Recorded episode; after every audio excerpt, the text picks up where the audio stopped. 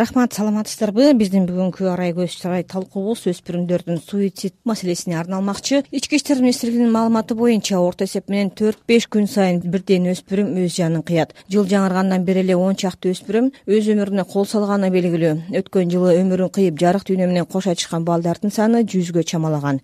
Өспүрүмдөрдүн суицидке баруу себептери. Эмнеге мындай окуялар тыйылбай жатат? Балдардын өмүрүнө ким жоопкер балдарды тарбиялоонун маани маңызы өзгөрдүбү? Адистердин ата энелерди бала тарбиялоого окутуп үйрөтүү зарылчылыгы бар деп айтканы канчалык негиздүү. Мына ушул жана башка суроолор бүгүнкү арай көз чарай талкуубуздун өзөгүн түзмөкчү. Алдыдагы жыйырма беш мүнөт аралыгында мына ушул маселенин үстүндө кеп кылабыз ал эми биздин бүгүнкү талкуубузга студиядан балдарды коргоо борборунун адиси социалдык кызматкер кумар эргешова жана ошондой эле психиатр психотерапевт кеңеш усенов катышат. Урматтуу маектештер студиябызга кош келиңиздер. Кеңеш мырза сизден баштайлы. Өспүрүм балдардын суицидке барышына эмне себеп? Негизи айтылат элде өспүрүм курактагы өткүл мезгил э, бирден бир себеби болушу мүмкүн деп мына ушул канчалык негиздүү туура?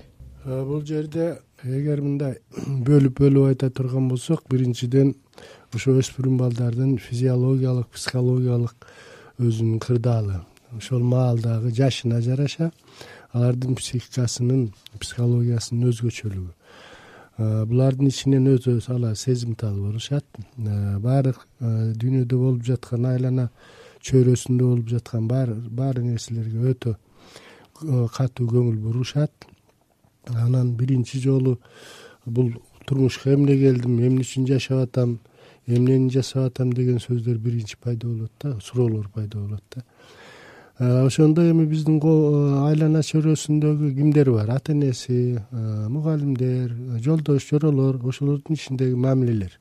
Кандай мамиледе? Татаал мамиледеби же анын ошол көйгөйлүү суроолоруна жооп берип атабы жооп бербей атабы талабына жооп берип атабы жооп бербей атабы ошого жараша анын психологиялык абалы ар түрдүү болот. Кээде жанын кейиткен э, кээ бир суроолорго эч кимден жооп таппай калат мисалы үчүн ошондой эле э, эгерде бир кандайдыр бир жоготууга учурап кала турган болсо же болбосо кемсинтүүгө же болбосо бирөөлөрдүн аркылуу ага катуу басмырлыкка жолуга турган болсо ага кандай э, ответ бериш керек? Ушул тууралуу дагы көп маселелер башына түшөт да.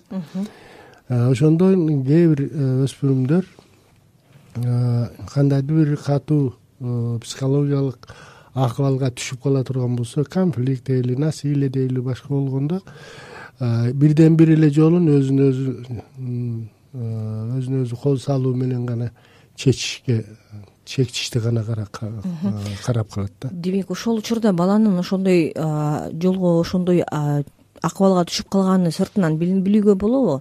Жөнөкөй ушу ата энеси чөйрөсү э, классташтары дегендей мугалимдер албетте билүүгө болот. Ал э, эгер ошондой акыбалга түшсө ал албетте ал издейт кимден кандай жардам алыш керек? Ата энесинен сурайт мисалы үчүн же мугалиминен же жолдошторуна ой ушундай ушундай болуп калды. Бирок тилекке каршы көпчүлүк убакта ар биринин өзүнчө проблемасы ата энеси ай койчу болбогон нерсени айтпай эле койчу ой менин жашагым келбей атат десе эмнени айтып атасың балдырбай отурчу деп колобозун жаап койгон маалдар көп кездешет да. Ошондой жолдошторуна айтайын десе ай менде сеникинен көп проблема что ты говоришь дегендей кылат. Мугалимдерине айтайын десе алар сабак менен андан башка бир класста бир отуз адам болсо аникинин эмесине киришке алардын дагы убакыты жок болуп калат мына ошондой кыйын акыбал болгондон кийин ал өзүнө өзү бул тышкы белгилери болуп эсептелет. Мисалы үчүн мен бул жашагым келбей атат анан кийин жүрүм турумунан байкалып калат. Мисалы үчүн жакшынакай эле баягы окууга барып келип жүргөн бала окууну таштап коет. Өзүнүн үстүн карабай калат. Анан кежир болуп калат. Үйдөн кетип калышы мүмкүн. Анан спирт ичимдиктерин иче коюшу мүмкүн. Тартиби бузулуп жүргөн турганынан да билинип калат. Айткан сөздөрүнөн билинет бул сырткы жана ички эмелерин анда уже аны менен сүйлөшкөндө белгилүү болот. Ички анын эмелери кеңеш мырза рахмат. Азыр дагы бул темага кайрылабыз.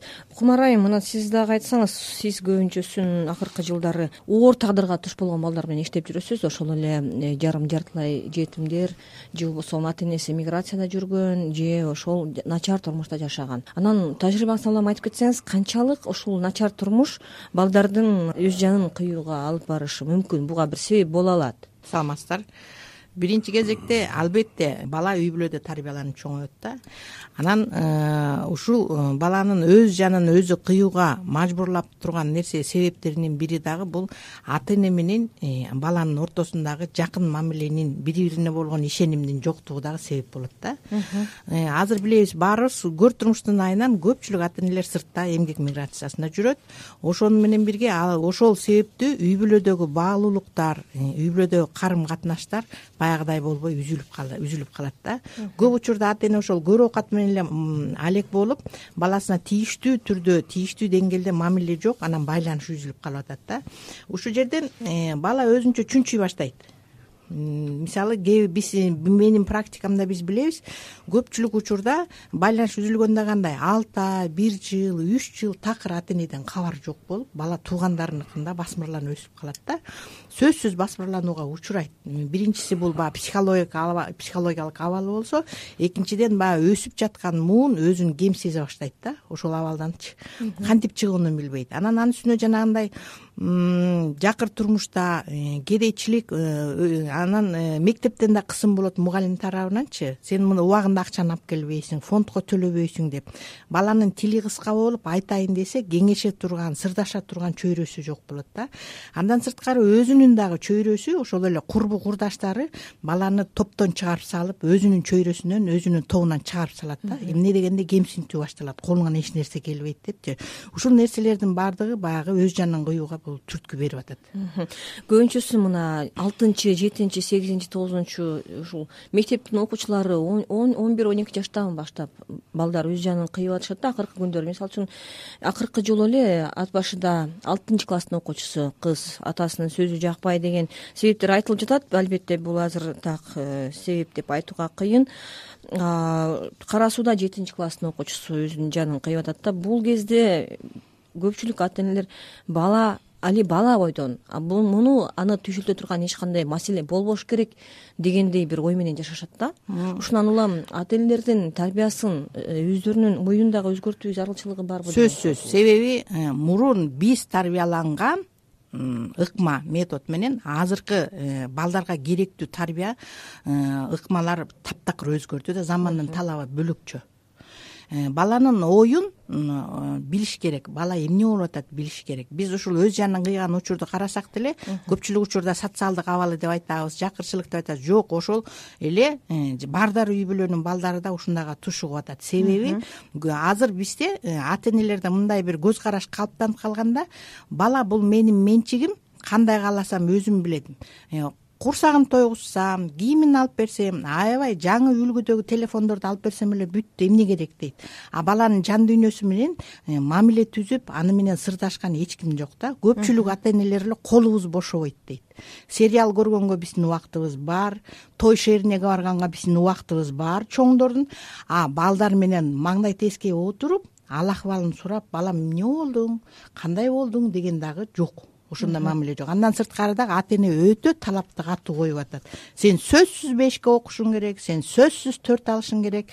Ал эми бала дагы ошондой учурда дагы өзүндө аябай бир мындай стресстик абалдан чыгууну билбейт да. Эгер эки алып калган болсо бала ата эненин талабына жооп бере албай калса дагы бала өзүн аябай кем сезе баштайт да.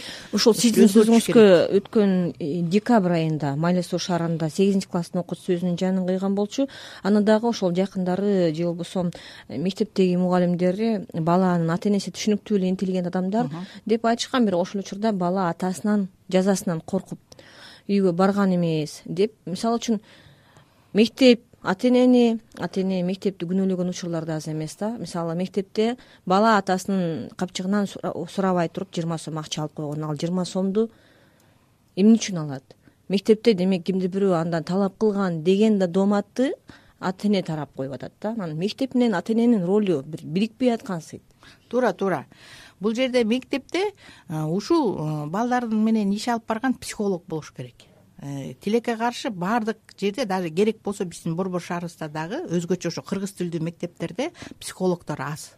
Токтобойт. Себеби эмнеде себеби айлык маянасасы үч миң сомдун тегерегинде. Муну менен үй бүлөсүн бакмак турсун жол киресине жетпейт да. Ошол мектеп психологдордун аброюн көтөрүп татыктуу айлык коюп бергенде ушул багытта дагы ушул өз жанын кыюу жанагындай көп зордук зомбулукка туш болуп ошонун алдын алганга бөгөт койгонго бул аябай жардам бермек. Кеңеш мырза мына психолог деп да айтып кеттик. Ачыгын айтканда сиз жана да айттыңыз. Баланын мүнөзү өзгөрө түшөт деп. Ошол мезгилде ата энелери же мугалимдери же башка жакындары байкап калып баланы э, психологко же психотерапевтке алып келсе жардамын береби? Азыр бизде угарманыбыз бар экен ошону угуп коелу анан кийин сизди сөздү улайбыз урматтуу угарман саламатсызбы? Биз менен байланыштасыз. Саламатсыздарбы? Мен бишкек шаарынан чалып жатам атым бүбүсара ушул теманы козгогонуңуздарга рахмат. Мен ушу кичине бир пикирим бар эле ушул балдардын өз жанын кыюуга бөгөт боло турган эң жакшы бир чаралардын дагы бири э, балдар менен өтмө курак тууралуу абдан жеткиликтүү аңгемелерди түшүндүрүүлөрдү жүргүзүүнүн зарылчылыгы бар деп ойлойм да. Балдарга ошо өтмө курак деген эмне ал учурда өзүн кандай алып жүрүш керек э, башына түшкөн ар кандай алардын пикири боюнча көйгөй маселелерди ачык айтып келгенде аны кагып силтпей ошонун баарын биздин да баштан өткөн эми бул боло турган нерсе кел ушунун жолдорун биргелешип издейли сенин пикириң кандай деген аңгемелешүүлөр жүрүп турганы туура деп ойлойм да мына ушуну колго алган мектепте өзүнчө педагогдор психологдор анан үй бүлөдө дагы ошондой сырдаш адамдар болуш керек деп мен эсептейм. Силерге чоң рахмат. Сизге дагы чоң рахмат. Байланышка чыкканыңызга кеңеш мырза канчалык деңгээлде адистердин жардамы тиет? Баланы ошол асынып алганга же өзүнүн жанын кыйып алганга жеткирбейт эң биринчи маселе мына психолог психотерапевт дегендерге элдеги болгон коомчулуктагы болгон маалымат э, туура эмес болуп атат да. Психотерапевт психолог десе булар э, психикасы бузулган адамдар менен иштейт жиндилер менен иштейт дегендей түшүнүк туура эмес түшүнүк болуп атат. Психологдорду бул психолог деген адамдын жүрүш турушу ойлошу башта ушул тууралуу ошону иликтеген ошону эгер бузула турган болсо аны жолго кое турган адис болуп эсептелет психотерапевт ошо өзүнчө бир мыкмалар менен ошо аларга жардам берүү болуп эсептелет. Бирок э, коомдук пикири совсем башка.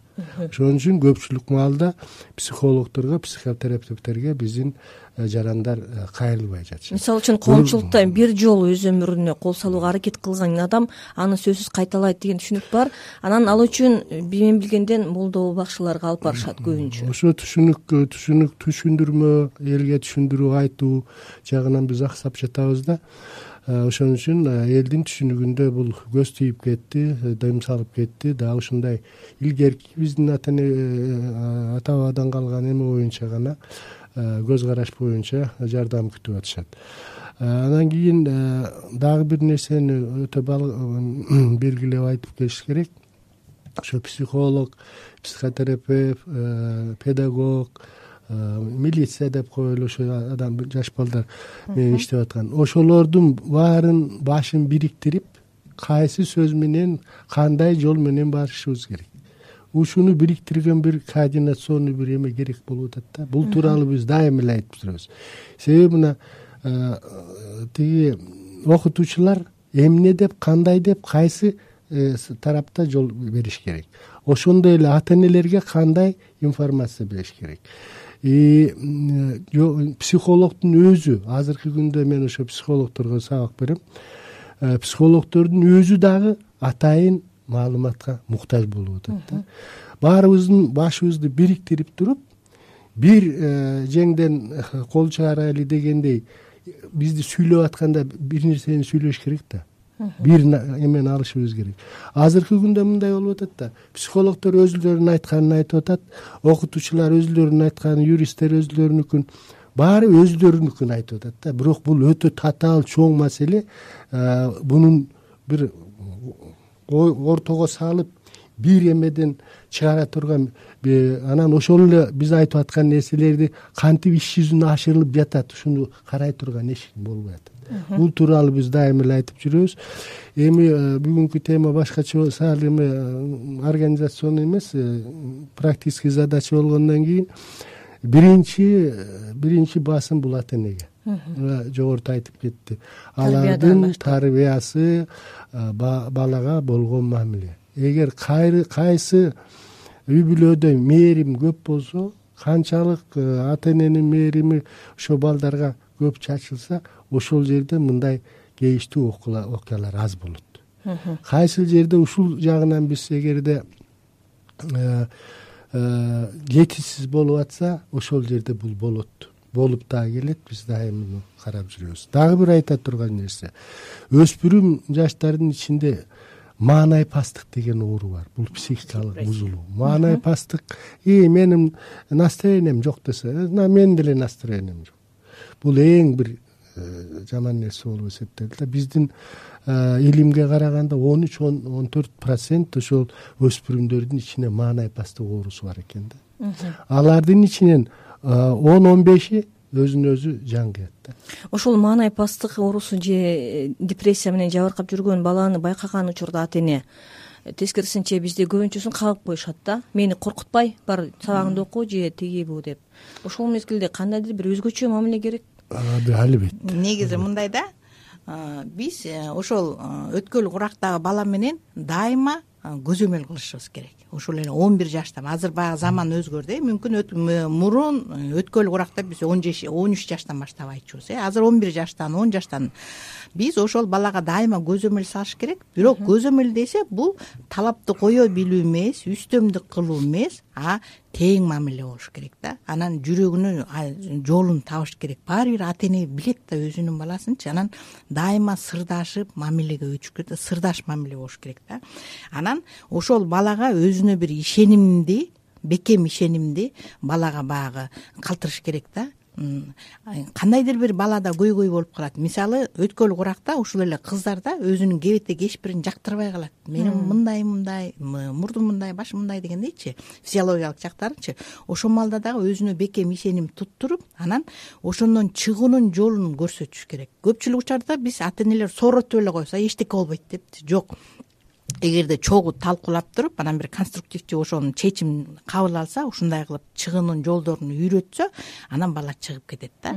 Анан өтө катаал мамиле бул жерде э, катаал мамиле аркылуу ишке ашпайт. Э, сөзсүз бири бирине ишенген жумшак жакшынакай анан тең мамиле болуш керек. Кумар айым мына ата энелердин көпчүлүгү чындыгында азыркы учурда миграцияда жүрүшөт.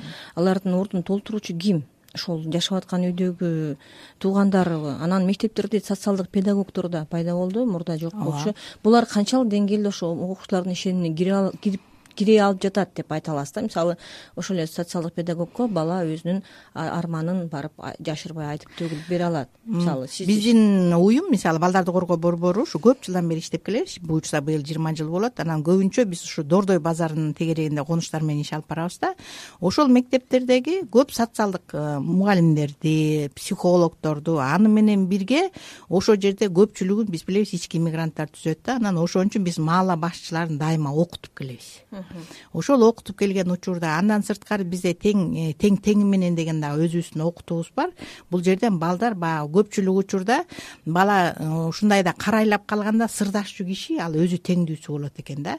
Ошон үчүн биз ошондой тренерлерди да даярдайбыз. Анан ошол э, өзүбүздүн изилдөөлөргө таянсак көпчү көп учурда ошол балдар сырдашып анан ачыкка чыккан учурлар бар да. Ошол эле мисалы сексуалдык зордук зомбулукка кабылган ошол эле үй бүлөдөгү жанагындай кысымга кабылган э, балдар анан ачыкка чыгып сырын айткан учур э, көп.